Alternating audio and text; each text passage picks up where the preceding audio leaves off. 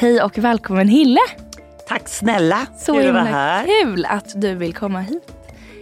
Du har ju grundat eh, bolaget Still in Fashion och där du säljer eh, vintageväskor framförallt, eller hur? Ja, Ja. Det är väl, jag är mäklare i designerhandväskor. Ja. Sjukt kul jobb måste jag säga. Jag tänker att vi ska djupdyka i det men först så vill jag veta lite mer om dig. Eh, så att du får gärna presentera dig själv. Jag heter egentligen Helen men alla kallar mig Hille. Jag är uppvuxen i Skåne i en stor familj. Eh, att jag inte talar skånska beror på att mina föräldrar var stockholmare. Sen är jag ekonom i botten, pluggade i Uppsala och eh, har sen en karriär bakom mig, framförallt marknadsföring och kommunikation. Jag har jobbat eh, ja, inom hotellbranschen, jag har jobbat inom Nobelsfären, jag har jobbat på Operan. Allting med att kommunicera budskap, eh, stora event och eh, ja, bott mycket utomlands, talar många språk. Eh, har idag en stor familj som alla barnen eh, som inte är barn längre har flyttat hemifrån och till och med två barnbarn. Är det sant? Ja, Vad mysigt. ja jättemysigt. Så att ehm, bor här i Stockholm och driver då sedan 2015 på våren började jag lite smygstarta Still in Fashion. Som då är en, en eh, digital plattform för eh, designerhandväskor. Där vi sköter all hantering. Så att eh, det är väl stora skillnaden om man jämför med Vestiaire Kollektiv. Där gör ju kunden större delen Ja. av jobbet. Medan ingenting som ligger på vår sida har inte gått, eller rätt sagt allt som ligger på vår sida har gått genom våra granskande ögon. Vi sköter fotografering, vi sköter eh, hela produktbeskrivningen och äkthetshanteringen. Ja.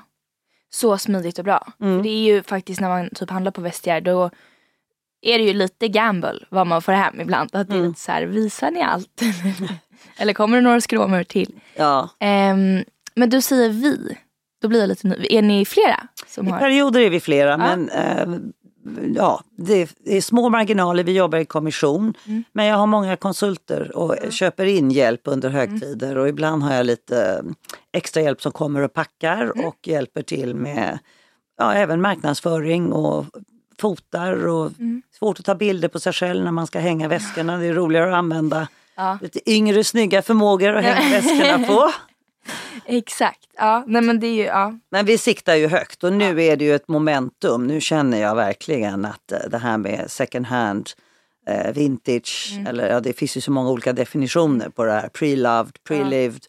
Eh, det, det ligger verkligen i tiden. Ja, ja men det är ju så, det toppar ju nu Mm. som aldrig förr liksom. Ja, plus att vi går ju in i, troligtvis, i en recession här nästa år. Ekonomin är inte så rolig och då kan det ju vara, om man aldrig använder den här designerhandväskan, då Nej. kan det bli några tusenlappar extra. Exakt. tråkigt men kanske man måste sälja för att betala elräkningen eller så här. Så det är ju ändå, eh, den har ett värde.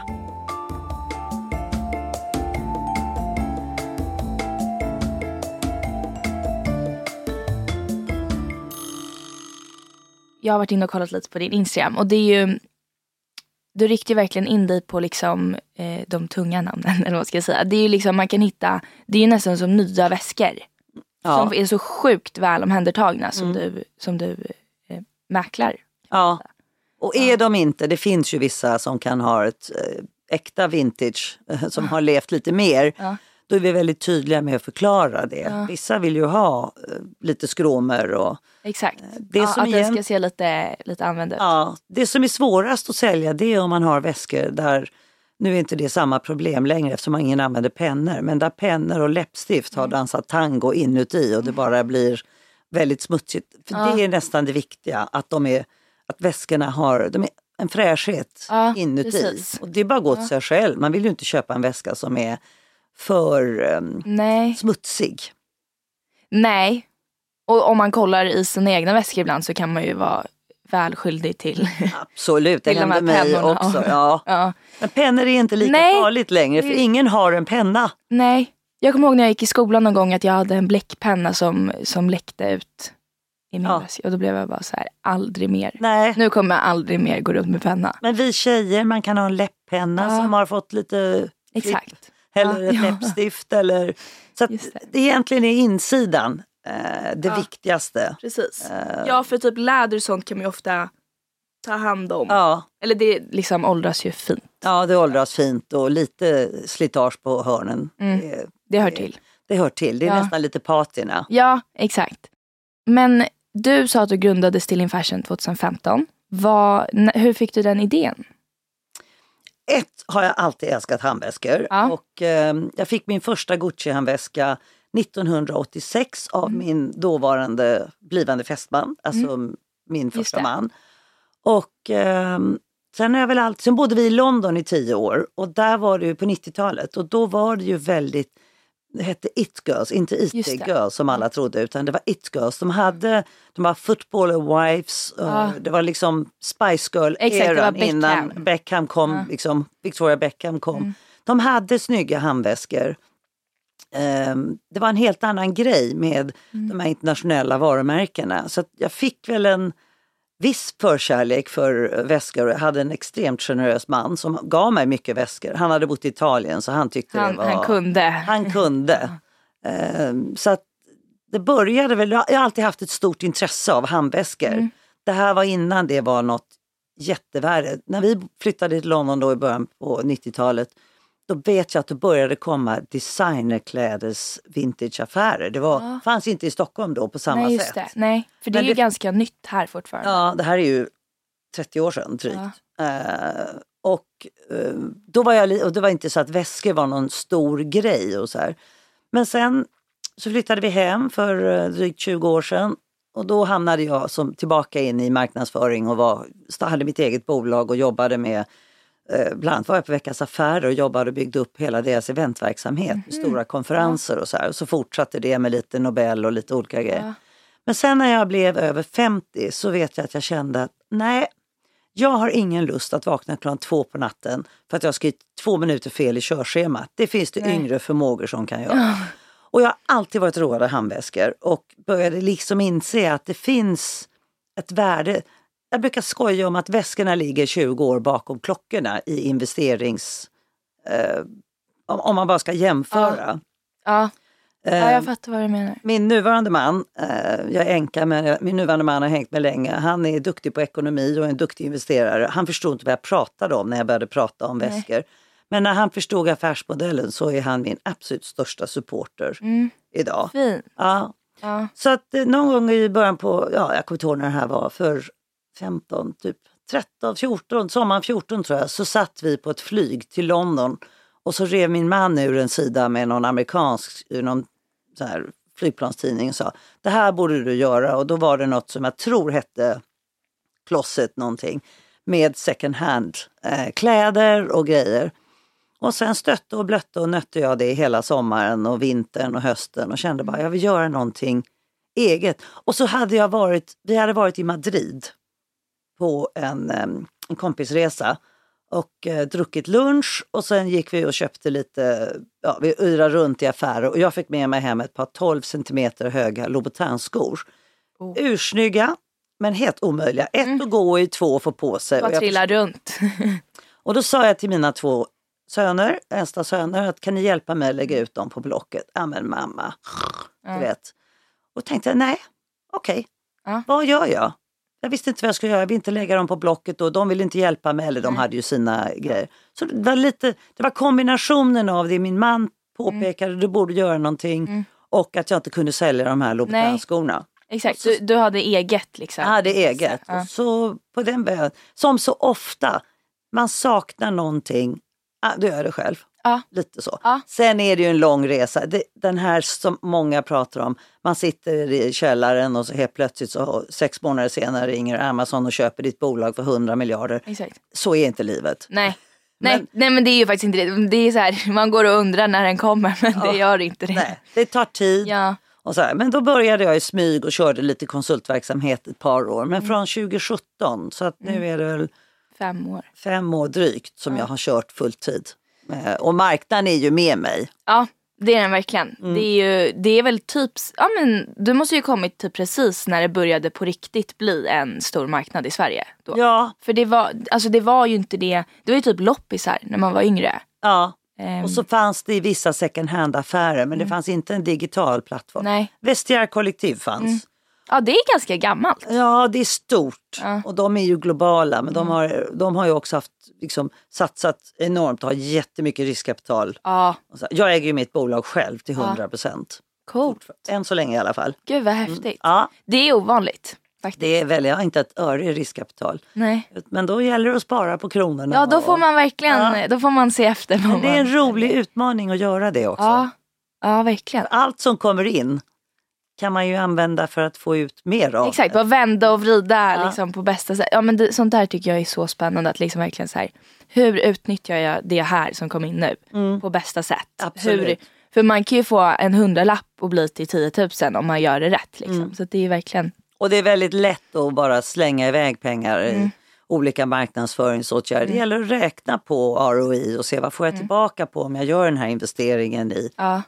Den marknadsinvesteringen. Precis. Blir det liksom, har vi det momentumet Mm. eh, att få tillbaka det? Och så, ja, ja, men jag tycker att det är väldigt kul. Och, sen kanske det är skönt ibland att vara sin egen, så kan man bestämma själv. Exakt, det finns ingen som kan komma med Det pekpinnar. vore kanske bra om jag hade någon annan emellan.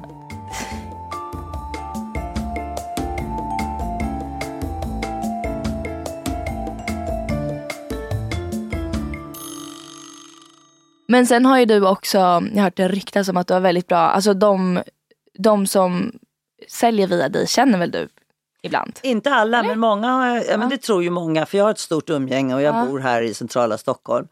Eh, det tog tid innan de närmaste började för de undrade väl kanske.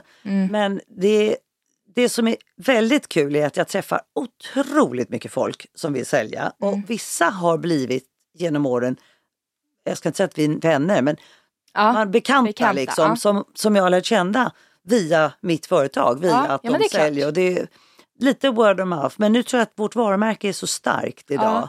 Att eh, jag, alltså, jag har ju två kunder.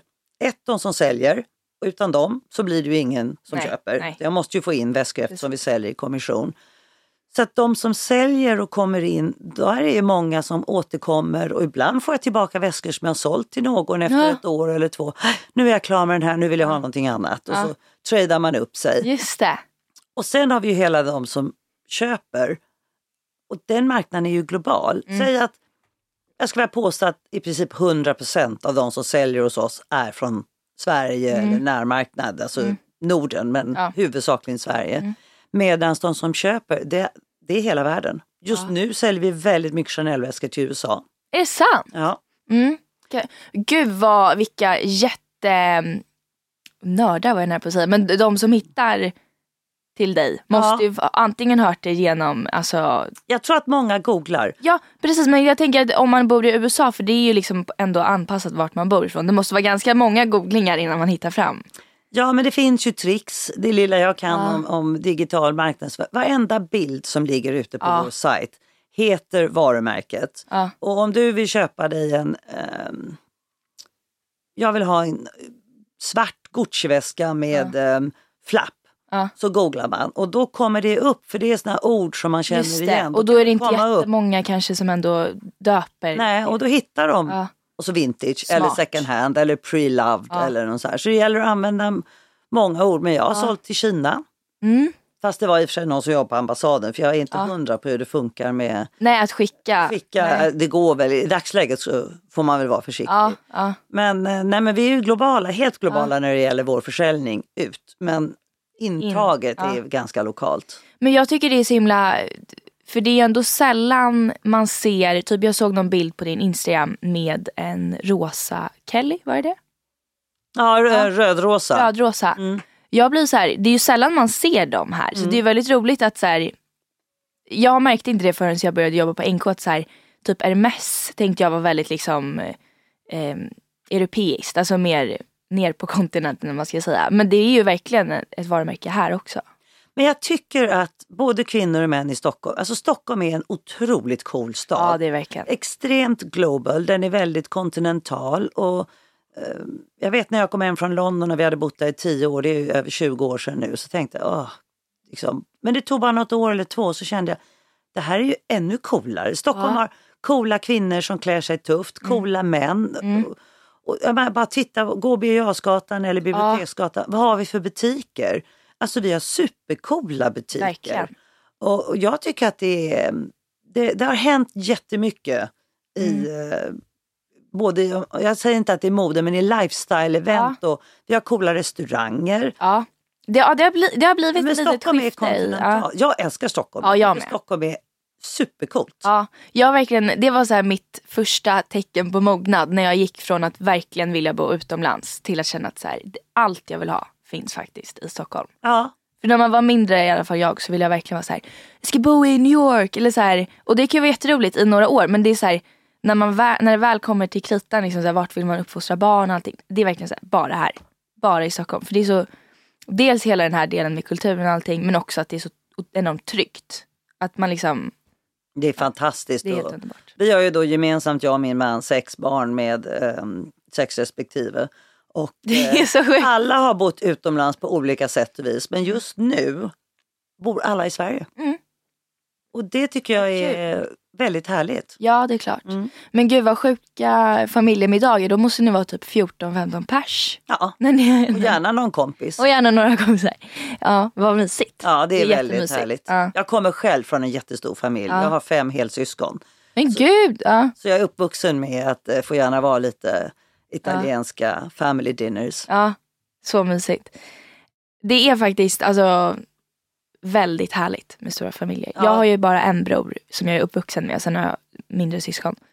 Men jag har ibland saknat, eller det har ju såklart varit jättemysigt på sina sätt, men ibland kan jag sakna så här de, typ när man kommer hem till kompisar som har här, tre eller fyra systrar och ser man bara så här det bara händer grejer hela tiden och det är liksom högt i tak och det är bråk och skratt och så. Det är så roligt. Ja, det är Bara- lite... Jag ska inte säga italiensk härdsmälta för det hade min man uttryckt någon gång för länge sedan i någon tidning. Men, Oj då. Och då blev det dumt. nej, men det, är, alltså det är bara kul och det är väldigt roligt och, och framförallt är det väldigt kul också bakåt för mig då som har så stor familj med mina syskon. Nu bor större delen i Skåne just nu men vi har jättemycket kontakt och man får ju ett enormt nätverk. Eh, och jag har ett enormt nätverk. Dels från min uppväxt, jag har bott i Skåne, flyttat till Stockholm. Jag har skrivit en bok om nätverk en gång i tiden. Eh, som heter Förför och Gud vad mycket du har gjort. Vad kul. Ja, men jag är lite äldre än vad du är.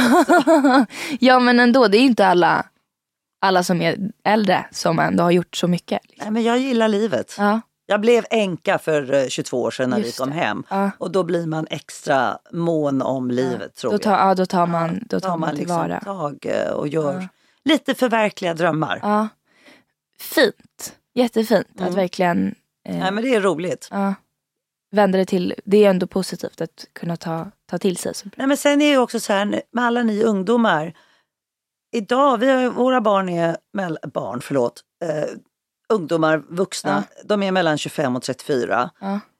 Det är ju vänner, kompisar och Ja. hela det. Vi firade min dotter som fyllde 30 häromdagen eh, hemma, Mm. hemma i vår lägenhet.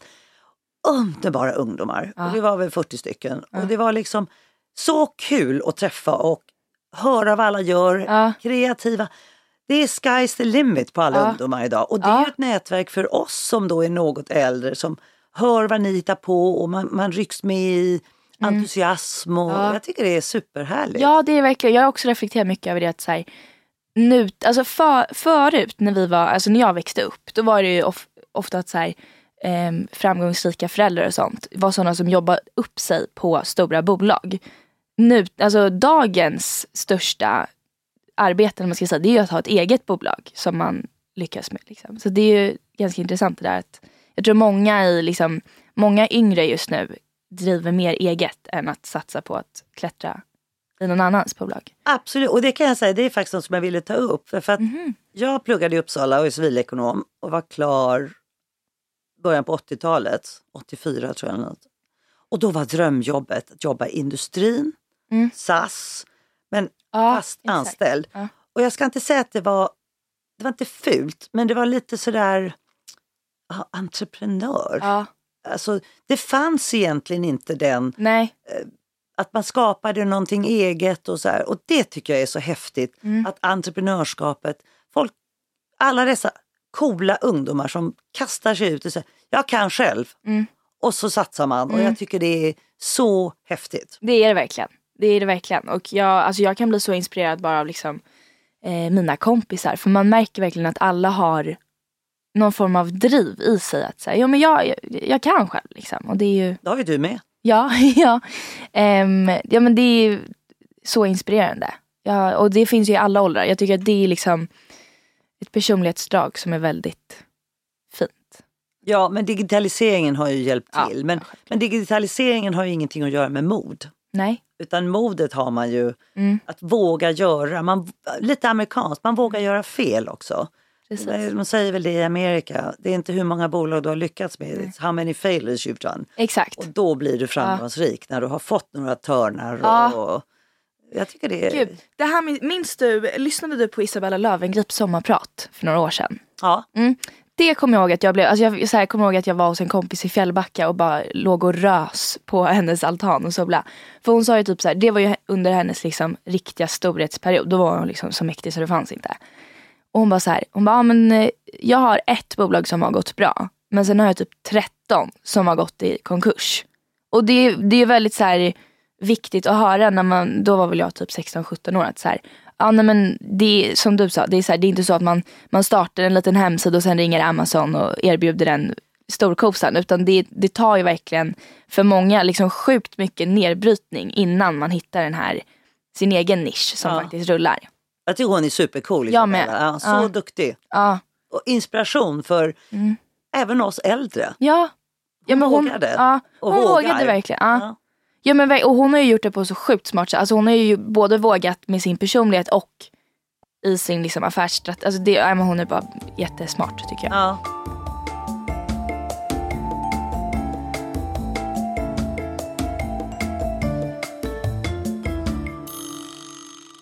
Men du sa ju, ni bodde i London på 90-talet. Och vad, vad jobbade du med då? Jag var ja, house coordinator som Ja. så fint hette. Vi hade tre små barn och min man jobbade inom banking. Eh, Så att jag var hemma men tog eh, liksom extra jobb när de blev lite äldre. Och i, London börjar man inte på dagis när man Nej. är ett år. Nej, I just det. London går man i, i bästa fall om man är tre år så kan man komma in på någon förskola och så här. Så att jag var hemma mycket med barnen. Men sen jobbade jag bland annat, dels jobbade jag lite inom butik i närheten där vi bodde. Vi bodde i Wimbledon strax utanför London. Men sen fick jag jobb på Christie's eh, och började som visningsvärdinna. Ja. Som, och det var väldigt kul. Christie's hade på den tiden två lokaler, lite som här i Sverige fanns också Lilla Bukowskis Ja. som var lite mer lite billigare, lite Exakt. mer kuriosa grejer. Och sen hade man ju Fine Art på Exakt. stora och samma var det med Christie's. Och då jobbade jag på bägge dem under ett par år Mm. och det var otroligt roligt. Ja, Fashion, alltså begagnade väskor och sånt, hade inte kommit. Nej. Det såldes gamla dockor och det, Ja. juvelsidan var fantastisk. Och, och så. Men framförallt var det väldigt kul att titta på de människor som gick och tittade Mm. i visningslokalerna. Och där var många snygga, eh, som jag kallar footballers wife, Ja. eh, och eh, de här it-girlsen som kom med snygga väskor. Och, Ja. Så jag fick väldigt inspiration av Ja. att jobba, inte bara för att Christie's är ett fantastiskt varumärke. Men också både föremålen vi visade men de som kom och tittade Ja. på föremålen var inspirerade också. ja, ja det håller jag med om. Mm. Sen tycker jag det här, och det försöker vi göra i Still in Fashion, jag tycker att proveniensen eller historien Mm. är så viktig. Nu vet man ju inte alltid vad exakt en väska har varit med om. Men, om man tar de här klassiska eh, stora in, eh, europeiska varumärkena som Hermès, Louis Vuitton, eh, Chanel. De är ju 100-150 år gamla och det finns så mycket historia som man kan förmedla så som, som vi som då är en eh, second hand eller vintageplattform. Men också, det är lite roligt, man köper, man köper lite historia. Ja, ja men man gör ju verkligen det. Och det är, alltså en väska kan ju vara, det är ju enligt mig minst lika liksom mycket värde i som ett konstverk. Alltså det är ju konst, bärbar konst. Liksom. Ja. Och jag tycker det är så roligt som du, vi pratade ju lite om det innan vi började spela in, men att du gör ju de här info-reelsen Mm. eh, på din Just det. Instagram. Och jag, bara när jag liksom ögnade igenom snabbt så kollade jag på den här när du la ut om Diana. Det visste inte jag att Dior, Lady Dior-väskan är ju döpt som en hyllning till Diana. Ja. Alltså bara sånt är ju kul att, Hon fick ju den i present i, vid något statsbesök. Jag tror att det var franska presidenten Sarkozys, eh, de har ju med, han var i London eller i England och då tror jag att eh, Diana fick den här väskan, Ja. Dior-väskan. Ja. Som, och sen hade hon den på Met, The Met Gala när, Mhm. jag tror att det var John Galliano som designade, det här var Mm. 90-talet. Hon dog ju 90 99, 97. Men det här var John Galliano som hade designat någon lång klänning som hon hade på The Met Gala i Mm. New York. Och då var det en massa skriverier att Wow, Diana is wearing a nightie. Alltså, för hon hade någon sån här lång, lång slipdress. Aha. Men, och det var lite skandal, men då zoomade man in den här lilla, lilla Mm. väskan hon hade och det var den här Dior-väskan som sedermera numera heter Just det. Lady eh, Dior. Dior. Ja. Men det finns jättemånga sådana. Ja. Diana, prinsessan Diana skulle ju fyllt 60 förra året, 2021. Då tog Gucci fram, det finns en sån klassisk bild på Diana där hon kommer ut ur sitt gym med en Gucci-bag med bambuhandtag. Ja, ja, ja, ja. Ja, de har gjort en retake på den och den heter Diana Bag och den Nej. kom eh, 2021 När hon som en tribute till att hon skulle ha fyllt 60. Gud jag fick rysningar nu. Jag, sånt här är så himla, alltså just i modevärlden. Det är ju så sjukt sällsynt att såna här hyllningar och sånt görs. Så att när det väl görs. Men det finns många exempel. Kelly-väskan, Ja exakt, det är det ju var ju en ja. gammal, den hette ju eh, Sacca de Peche, alltså Ja. postväska. ja, Birkin. Birkin finns ju efter Jane Birkin. Eh, och Kelly då, för er som inte vet, så var ju det Grace Kelly när hon gömde sin mage när hon väntade sin Ja. dotter. Sen finns det ju väldigt många, Gucci flera stycken, eh, Jackie Bags efter Jackie Mm. Just det. Kennedy som var Ja. gift med USAs president. eh, Mm. Så att, eh, John F Kennedy. Så det finns många tributes och det tycker jag är, Ja. bara den lilla historien är väldigt Ja rolig. men precis. Och det är ju verkligen, men det är ju liksom det ultimata beviset på att man är liksom en inflytelserik person. Ja. När man får en väska från liksom Hermes döpt efter en. Ja men absolut. Det vill jag gärna ha. Vem vill inte det? Men sen har du ju mycket, ta, jag är väldigt, tycker själv väldigt mycket om Chanel. Jag tycker Mm. Coco Chanel är, eh, alltså om man fick äta lunch med någon som tyvärr inte finns längre så skulle jag gärna äta lunch med Coco Chanel. Mm. För gud vad hon har inspirerat. Och ta, om, om ni vet hur hennes väskor ser ut, det finns om man öppnar de här klassiska flapbags finns det ett litet fack med blixtlås på insidan av flappen och Mm. där hade hon eh, sina love letters som hon fick av sin stora kärlek, Boy the Capelle. Det visste inte jag. Varför. Ja, det finns hur mycket och på baksidan finns det en liten öppen väska. Nu har vi ju inga cash längre men där hade man petty cash, alltså Just det, små ja, pengar ja. för att kunna betala. Kedjan på de här klassiska, eh, den är ju inspirerad av nunnornas, eh, hon var ju uppväxt på ett eh, eh, orphanage, alltså Jaha, eh, ja, barndom, eller vad heter Alltså-? Barnhem. barnhem. Ja. Och där hade nunnorna som skötte det, de hade eh, kedjor med nycklarna i runt midjan. Och det, därifrån har de fått inspirationen till kedjan. Men De wow.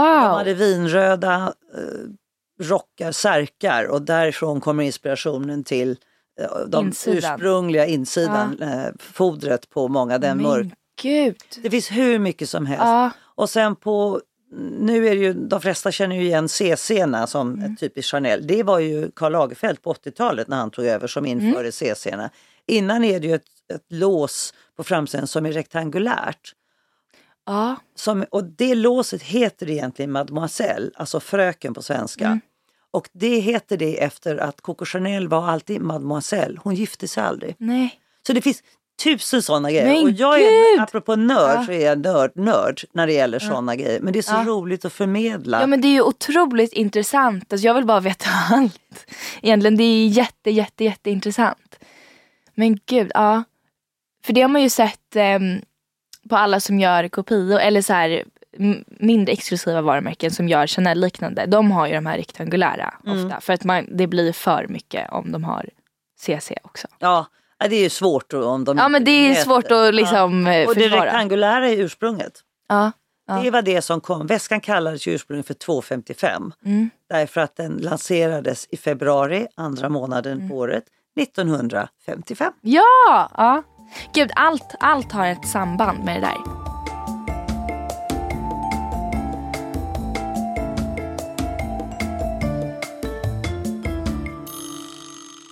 Något som jag tycker är väldigt kul att veta med de jag intervjuar är typ så här, för alla de jag intervjuar har ju ofta startat ett eget bolag eller jobbar för sig själv. Liksom.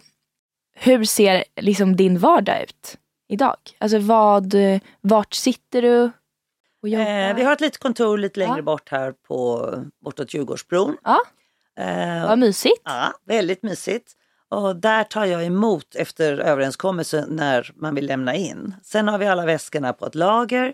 Men i det här lilla kontoret, det är bara 30 kvadrat, så har jag en liten fotostudio Mm. och eh, sen kan vi packa lite där, men annars så packar vi på, på lagret. Och Mm. lagret talar vi aldrig om vad det finns Nej, det är klart. av säkerhetsskäl. Du bara, den här adressen, den här portkoden. Ja, precis. Och här har ni larmkoden Exakt, också. det är bara att ta för er egentligen. Nej, så de finns eh, väl Ja. försäkrade Ja. och klart. eh, gömda. Och Ja. Därför kan man inte se väskorna utan vi försöker vara extremt tydliga Mm. med bilder Mm. och beskrivningar. Att är det en repa där? Och väldigt ofta får jag när kunder har tagit emot och säger det var ju mycket finare än vad du Mm. Ja. sa. Och Ja. det är ju ett positivt eh, betyg. Verkligen. Då är det sjukt transparent. Ja. Till och med liksom. Verkligen.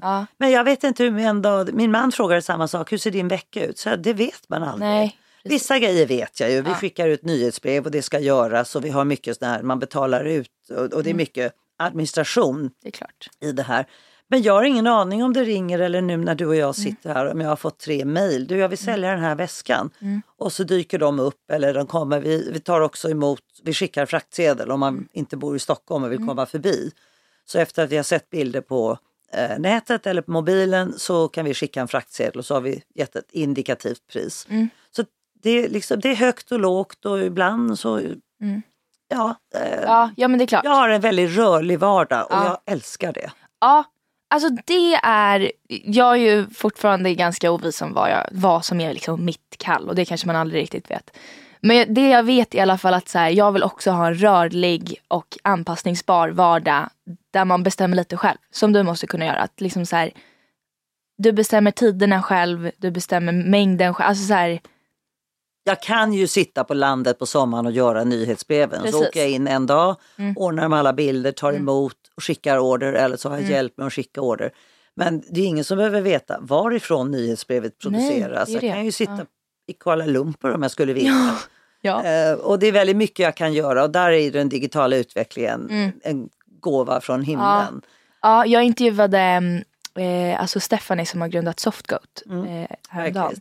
Och hon sa ju det att hon bara så här, det, det är jag, alltså anledningen till att min vardag går ihop är ju för att jag kan stå liksom och svara på mail vart, vart som helst egentligen. Alltså förut så var det verkligen så här att man jobbade på jobbet och sen när man kom hem då, hade, då fick, alltså om något hände på jobbet så fick man ju reda på det på morgonen efter men nu är ju man är hela tiden uppkopplad. Hela tiden uppkopplad. Och det, ju, finns ju nackdelar med det Mm. men man får ju lära sig hantera. Men jag kan ju tycka, jag kan ju inte vara vaken när de, om de lägger en order från USA. Men det är Nej. trevligt att vakna på morgonen. Ja, när till en stor order. Till en stor order bara. Jaha, tack. ja exakt, tack och bock. Skojar ofta om det, du tjänar ju pengar när du sover. Ja exakt. Ja. på, du gör absolut ingenting. Nej men du har kanske gjort det och det är ingen Ja, som det- heller vet om jag sitter i sängen Nej. på morgonen Nej, och man exakt. skickar iväg tio mejl eller lägger upp Instagram-bilder. Man har ju en Ja. plan. Det är ingen som behöver veta. Nej.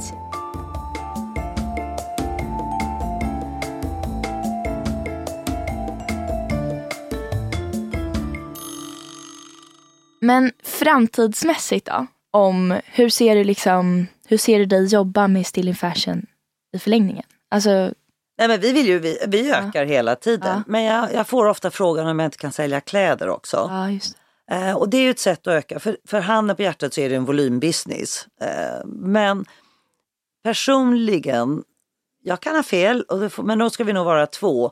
Så det är klart jag skulle gärna jobba med kanske ytterplagg, kapper, jackor Mm. från eh, de stora internationella varuhusen, eh, Dior, Chanel och så här. Men jag är lite emot det här med att man ska returnera hela tiden. Så att vi har ju inte fria ret- returer. Och det är jättesvårt med storlekar. Vi har lite skor och från början hade vi mycket skor. Men det, kom, det är inga pengar eftersom vi säljer på kommission. Det räcker med att ett par skor kommer tillbaka en gång så har kommissionen ätits upp. Mm. Därför att det var fel storlek. Och Precis. Även om vi mäter innersulan och man vet så ska det ju passa. Och Mm. vi inte eh, vi kommer inte öppna butik, Nej. det vet jag. Ja. Eh, dels säkerhetsmässigt men också Mm. tidsmässigt. Och så tror jag inte på... Eh, det finns också många som tycker att det är en fördel av att lämnar man en väska till oss så har ingen annan pillat på den. Nej. Har du en butik så vet du inte hur många som är inne och känner och klämmer. Nej. Och jag säger inte att det är fel med det, det ska man ju få lov att göra men det är inte så vi vill jobba utan Nej. vi vill nog, jag personligen vill, jag vill utveckla det här med proveniensen och historierna. Mm. Jag tycker att det är väldigt roligt att jobba med och vi har en blogg på hemsidan som handlar just om Yves Saint Laurents karriär, där vi skriver lite alltså, Mm. om alla olika stora varumärken. Eller om man tar eh, Balenciaga som ju var haute couture och idag är de mest kända för sina supercoola sneakers. Mm. Ja. Och det, alltså det finns så Det mycket. där är så himla intressant. Just det företaget tycker jag är så sjukt intressant att följa. För det är liksom, Snacka om resa åt andra hållet. Men det, massproducerat. det var ju bara liksom Ja. nästan till spanska hovet som Ja. han ja, men det är så sjukt intressant och det är också så här, det är så det är också typ en så här enda exemplet där det är så här sjukt, det är fortfarande exklusivt. Men jag skulle säga för återigen, det är ju samma bolag också. Det är ju Group 88 som äger Balenciaga i, i Skandinavien. Där Valentino också ingår. Um, så att jag, jag jobbade ju lite i den butiken ibland. Och det är så här, alltså jag bara gick runt och kollade och var så här. Det är så fult. Och det är liksom, de säljer ju skor med hål i. Som på riktigt har rispats upp. Men det säljs och de kostar 12 000. Helt galet. Ja men det är helt sinnessjukt. Alltså jag är så här, även om jag har personalrabatt och typ jättemycket NK-poäng skulle jag aldrig köpa det här. Alltså, Lite synd att ha, ha Ja. gått från haute couture. Men, ja, men å andra sidan, Balenciaga är ett super, super, super coolt märke. Men Mm. för mig är inte Balenciaga ett väskmärke. nej. De är ju kända egentligen för sina Mm. fantastiska kläder från då i var det 30-talet tror jag han, Cristobal började. Mm. Men, och nu är det skorna. Men återigen, ja vi skulle kanske kunna sälja ett par eh, sneakers från Balenciaga om de nu kostar 12 så- och de är helt oanvända och det är fel storlek.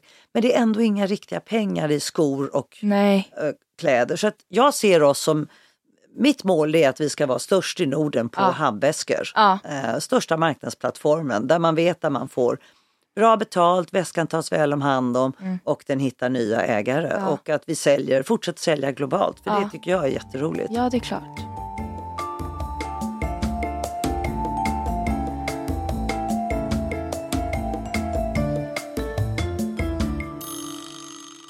När det blir riktigt intressant för mig, då, det är när, eh, typ, ja men som Hermes, då är det ju väntelista på eh, till exempel Birkin. Så det har ju blivit helt sinnessjukt. Alltså jag tycker sånt här är så himla intressant för typ om man kollar på TikTok då. Så är det ju så här, jag får upp alltså, så många videos när folk är så här äntligen! Och jag är så här, hur många människor kan köpa en sån här väska? Alltså det är ju fortfarande helt sinnessjuk liksom, Jag håller med. marknad. Men det är ju ofta internationellt, alltså att folk lägger ut i, från hela världen. Liksom. Men då, alltså folk som säljer av då väskor som kanske ett inte görs längre, alltså en, en sällsynt Birkin eller, eller någon som har en ny Birkin som de har köpt men som är tio års väntetid på. Då kan man ju ta mer, Än nypriset. mer än nypriset. Det är samma Absolut. sak som med klockor. Liksom. Att Ja. det, man, kan liksom, man kan dra på ganska rejält. Nej men jag har just nu, vi fick in i Mm. fredags, en Birkin, Mm. en brun, absolut ursnygg Mm. eh, med palladium, silver Åh. hardware. Den är jättefin, eh, 35 så det är en klassisk Mm. storlek. Den ligger ju ute, om man nu skulle få tag på en ny så ligger de runt 100. Mm. Och den här ligger ute för 125. Den är 12 år gammal, jättefint skick. Mm. Men det är ändå ett överpris och jag vet vad personen, för jag har ju Mm. sett kvittot såklart, vad personen i fråga köpte den för Mm. när hen köpte den. Ja. Så det är klart det är en resa men sen kan man gå in och jämföra på Vestiaire kollektiv. Där ligger ju burken ute för över 200 000. Ja. Jättefint men det är inga exotiska material och så Nej. här. Och då kan man ju, jag blir lite så här, det trissar upp priserna Ja. till en nivå som inte är Nu är det lurendrejeri liksom. lite. Sen är det Ja. alltid en fråga om efter, utbud och efterfrågan. Ja, ja, det är klart. Och det är samma, just nu är det om man nu ska göra, jämföra små detaljer Mm. så är faktiskt Birkin är väldigt eftertraktade. Mm. Men Kelly är ännu mer eftertraktade. Ja, jag kan fatta det. Och det Ja. Mm. har att göra med att Kelly, eller inte bara, men det har till stor del att göra med att Kelly har en axelrem. Mhm. Och vi vill alla leva handsfree. Vi håller på med vår mobil, Ja. kan vi inte ha en handväska i andra handen. Nej, Och då vill vi kunna hänga den crossbody eller på Ja. axeln. Birkin kräver en hand. Eller en arm. ja, ja men precis att man har Så den. just man nu- på den. Alltså Birkin var ju hur coolt och hot som helst. För bara, ja, när jag bodde i London då Ja. på 90-talet då var det ju rätt nytt och sen Ja. så även har varit under Ja. 20, de första 10-20 Jag tror fler åren. kanske vet vad Birkin är än Kelly. Ja. Alltså även de som inte är insatta vet nog vad en Birkin-bag är. Ja, liksom. därför att den är så känd. Ja. Medan Kelly-väskan är ju egentligen ännu mer känd. ja. Fast den var lite, jag tror att den var ansedd som tantig. ja. Det var lite damigt att ha en Kelly. Jag tycker de är så fina. Ja, de är jättefina. Mm. Jättefina. Och det, är ju, det är ju en investering. Mm. Därför de går ju upp i pris. Mm. Ehm, och det ska man ju vara glad för inte tro att det går till himlen. Jag menar, Nej.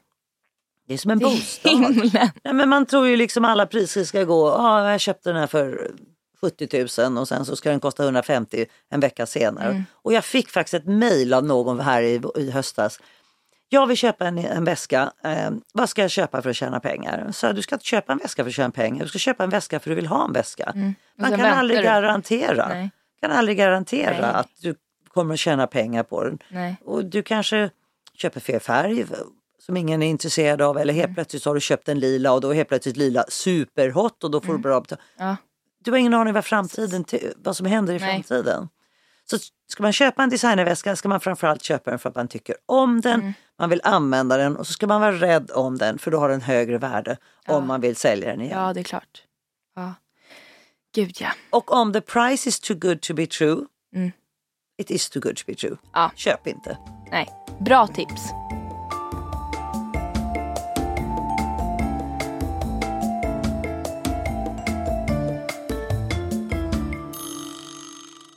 Vilken eh, alltså, lyxig vardag att få hålla på med härliga väskor. Ja, alltså, det gud vad, vad roligt. det är en vacker vardag. Ja, precis. Det är en vacker vardag. Det är Ja. roligt och eh, både att de har historia och att de är vackra och de är Mm. härliga att se. Ta Ja, på. ja, exakt. Alltså, jag blir ju glad bara av att som sagt kolla då på din Instagram och bara så här, drömma mig bort i, Det är meningen. i flödet. Ja, precis. Och jag, tycker, jag rekommenderar alla som lyssnar att faktiskt gå in och kolla på din Instagram. För det är som sagt, speciellt med de här eh, alltså bildspelen. Man lär sig mycket som man kanske inte vet Visste att man annars. behövde nej, veta. Nej precis, eller som nu, liksom i det här avsnittet som du har berättat om att det är ju, det är ju faktiskt sjukt intressant med alla de här alltså, namnen till väskorna, vart kommer de ifrån? Alltså hela historien bakom, det är ju Ja. lite det man, man vill köpa in sig på. Det är ju inte bara ett coolt märke alltid, utan det är att de faktiskt är utarbetade, eller så här, vad heter det, inarbetade. Att det är, de, är liksom, Ja, men de har lite... de har gjort sitt namn. Och det gäller ju vissa sidensjalar också. Mm. Jag är väldigt förtjust i den här Gucci, har ju en som heter Flora som är med Ja, mm. 37 olika insekter och grejer. Och den Ja. gjordes ju till att prinsessan Grace av Monaco, hon skulle ha Mm. en present och då hade de inget som de tyckte passade och då lät de designa den. Eller Hermes-sjalarna Ja. som ju ursprung, de kom ju 1937 och det var ju ursprungligen foder i deras ridjackor. Mhm. Som de hade och då kom de på, han hette um, Dumas, han var gift med en av döttrarna, tredje generationen tror jag. Det var han som upptäckte att, eller kom på att vi kanske ska göra eh, fyrkantiga sjalar ja.